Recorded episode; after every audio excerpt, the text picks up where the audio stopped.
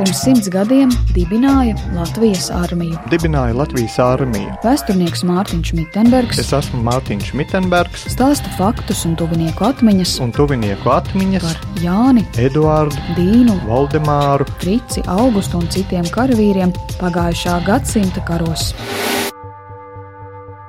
tuvinieku ziņas par Augustu Ozoliņu, Pētera dēlu, dzimušu 1889. gadā Cesvainē.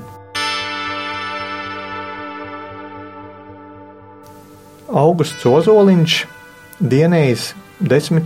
Krievijas armijā, 3. Sibīrijas korpusā, bijis ložmetējnieks, apbalvots ar trim jūra krustiem par varonību kaujā Polijas teritorijā. Fotogrāfija, kas mums ir atstāta, ir diezgan unikāla un skaista. Kaut gan viņa ir viena, bet šeit mēs redzam četru vīriešu grupu, kur divi ir apmetušies pie koka saknes, tā pusguļus, bet divi ļoti stalti stāv un izskatās nedaudz pēc tādiem amerikāņu kaubojiem, kur mēs tiešām redzam pie krūtīm katram piespiraustas medaļas un arī jūra krustus. Un, uh, uz cepurēm uzliktas ir arī brilles. Un šādas brilles uh, valkāja tikai tie, kas brauc ar motocikliem Pirmā pasaules kara laikā. Un tādas bildes mums līdzīgas arī pat nebija kara muzeja krājumā. Un tas liek secināt, šis Augusts Ozoliņš nav bijis tikai ložmetējnieks, bet tā ir bijusi arī kāda ziņu nodošanas, varbūt komanda, kuri ir pildījuši arī sakarnieku funkcijas, izlūku funkcijas, un ka tas ir bijis tā kā nu, ložmetējnieku vadam piestiprināta kāda vienība. Jo nu, šādas brilles noteikti neviens cits karavīrs nebūtu pat dabūjis, ņemot vērā, nu, ka tā bija tāda tomēr ļoti luksus lieta.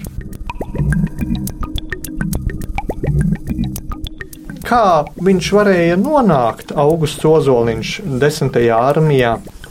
E, Tas stāsts ir e, patiesībā arī Latvijai ļoti tipisks, jo 1914. gadā, sākoties Pirmajam pasaules karam, e, Latvijas teritorijā, tāpat kā teritorijās, kuras bija tuvāk Vācijai, skāra kara mobilizācija un varēja iesaukt kara dienestā puikas no 18 līdz 43 gadu vecumam. Un Augusts Ozoliņš pilnīgi savos gados atbild, lai viņu iesauktu kara dienestā un šos e, iesaucamos, protams, ieskaitīja Krievijas kopējā armijā.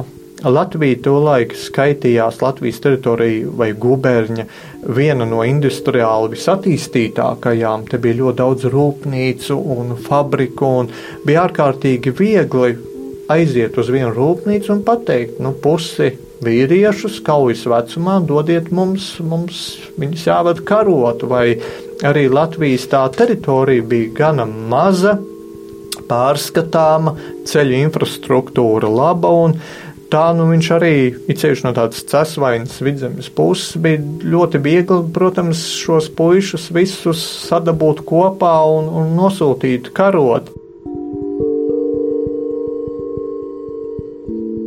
Šeit mēs redzam gan tādu veiksmu stāstu, ka Augusts Ozoliņš ir palicis gan dzīvs, gan pēc tam atgriežas atpakaļ jau kā uh, unteroficieris mājās Latvijas teritorijā, bet ļoti daudziem šis stāsts beidzās diezgan traģiski. To ļoti labi droši vien atcerās tā paudze, kas vēl piemin laikus pēc otrā pasaules kara, kad viņi redzēja visapkārt, kad bija šī situācija ļoti divējāda, kad viena, kas mēģināja sākt sevī un apkārt jaunu dzīvi, un otri, kuri vienkārši nogrima tās kara rētas un redzētais, vienkārši viņiem vairs nedeva iespējas un, un, un spēku dzīvot. Augusts Ozoliņš, Pētera dēls, apglabāts Ķekavas pagasta Katla kalna kapos.